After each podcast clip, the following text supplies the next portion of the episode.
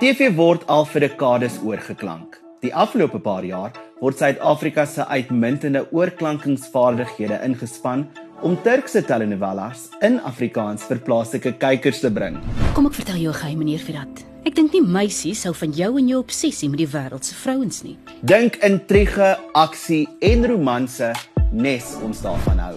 En sedert Julie vanjaar spog kyk net en kie met twee van hulle eie in die Eysterhand se greep en kind van die noodlot.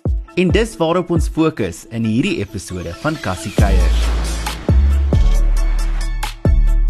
Gustav se Cassie Kuier se heel eerste keer in 'n oorklanking ateljee. Dankie dat ons 'n bietjie meer kon uitvind hoe presies dit werk en wat jy doen. Maar so gepraat van hierdie genre van TV, oorgeklankte telenovelas oor die jare het regtig gewild geraak, veral vir Afrikaanse kykers. Hoekom dink jy dis die geval? Ehm um, oorklank werk het in die afgelope 2-3 jaar baie opgetel. Ehm um, ek dink veral met die coronavirus waar niemand kon skiet nie en sulke goed, dit is baie meer contained. So uh, baie mense het gegaan vir dit en ja, jy aan die begin is mense regtig swak daarmee en jy kom agter watter tipe kuns dit is. Maar gelukkig het ons die ou hande in die industrie wat ehm um, dit al jare lank gedoen het en jare terug gedoen het nog Melrose Place en Beverly Hills 902 en ou al daai goed was oorgeklank. Ehm um, en hulle het daai goed gedoen. So hulle leer mense stelselmatig en uiteindelik raak jy nogal goed daarmee en dan begin jy dit geniet. en vir kykers wat nou wonder, watter karakter doen jy die oorklanking voor? Ooh, ek speel Yit Kuzan. Ehm um, hy is basies soos die Ewings van Dynasty, daai tipe ding. Is daai familie. Ehm um, ja, dit gaan maar net oor al die intriges in sy lewe. Almal wie hy verlief is en dan is hy verlief op die een, dan is hy getroud met daai een. So ja, dit gaan maar eintlik daaroor. Jet.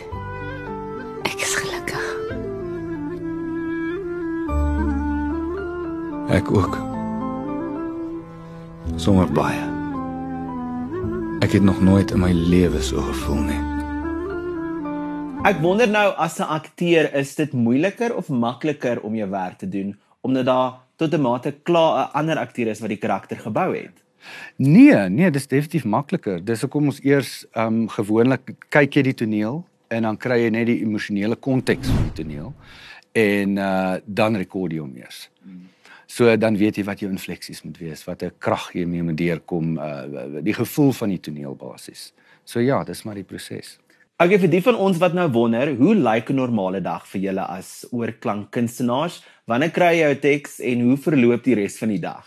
'n Normale dag is uh jy word uh basies bespreek om in te kom en ja, jou woorde is op skerm en dan druk hulle rekord en dan gat jy. Oorklanking is iets heeltemal anders. Dit is 'n ander dissipline. Ehm um, jy moet 'n karakter speel en in sy vel inklim deur net jou stem te gebruik. So dis dis basies 'n nuwe kunsvorm wat jy aanleer as akteur wat 'n uh, groot uitdaging is en ja, dis amazing. Verskoon my maar ek was besig om met mevrou Uittool te praat. Kyk net na die een. Weet jy wat sê sy? Juffrou Noor sê vir my die eienaar van hierdie plek dat ek op my agterend moet sit en stil bly. Hoe kan dit wees? Nee, Island, dis Sy is uiters arrogant en 'n baie onbeskofte jong meisie.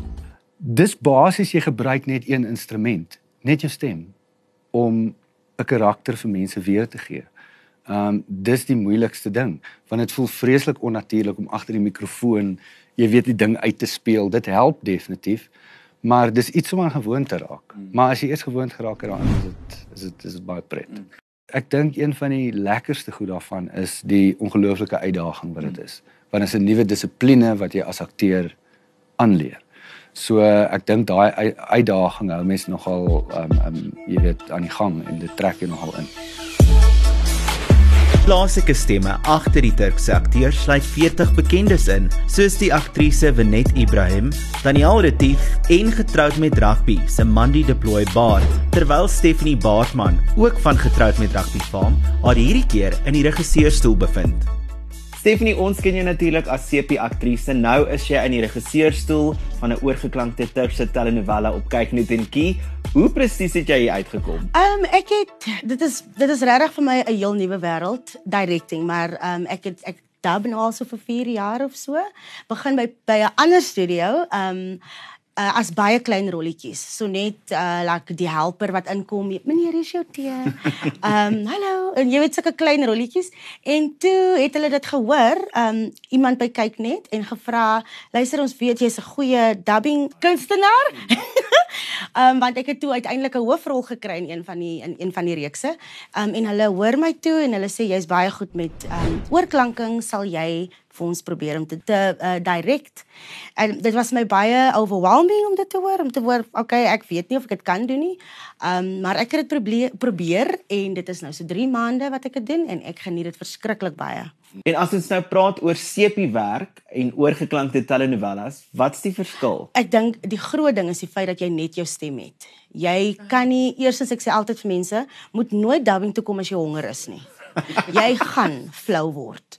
Want hierdie mense die akteurs wat in die in die actual ding speel het die vryheid om te hardloop en te spring en al wat jy het is jou stem. So jy al hierdie asem elke asemteegie moet jy oordoen. So jy jou kop draai jong ek sê vir dit is verskriklik. Maar die die beste van alles is die feit dat jy as jy terugkom voor die skerm het jy daai um is jy net soveel beter volgens my. Ek dink jy want jy besef die belangrikheid van elke woord wat jy uitspreek omdat jy so geoefen is deur hierdie. Want dis al wat jy het en dit maak jou dan meer ehm um, bewus van hoe jy moet speel voor die kamera. So ek het regtig baie geleer uit. As regisseur, wat dink jy maak 'n goeie oorklankingsakteur? Um, ek sê altyd vir mense as jy kan karaoke sing, kan jy dub, maar dit is nie so maklik nie. Jy moet die karakter heeltemal kan embody met jou stem. En ek dink een van die ons het regtig van die beste oorklankers in die land. En vir my was dit baie intimiderend om hierdie mense te moet direk, maar ek dink almal van hulle verstaan dat ons almal iewers moet begin en ek sê vir hulle, kykie, ons is mos kollegas man. Moenie worry nie, kom ons help mekaar, jy weet. So dit is vir my lekker om ook van hulle af te leer en om te sien hoe goed hulle is en hoe passievol hulle is vir hulle werk. Daar's baie mense wat net kom en net 'n lyn lees en dan gaan hulle, maar die akteurs wat ons hierso het by kyk net is regtig van die mense wat soveel uh, um vreugde vind in wat hulle wil doen en as hulle nie happy is met die dinge, vra hulle kan ons asseblief oordoen. Ek wil dit weer doen. En dit is lekker om te sien hoe hulle soveel pride vat in wat hulle doen. Um hulle gaan nie net daar en lees 'n lyn en dink dis nou dit nie. Hulle hulle sit regtig hulle hele liggame in deur die stem. as dit sin maak. It is amazing. Nou indien jy gewonder het watter program die gewilde kyknet CP getroud met rugby gaan vervang, maak seker jy's volgende week ingeskakel op Cassie Kuiers waar ons opstel kuier vir 'n eksklusiewe eerste kyk op die opwindende nuwe program Diepe Water.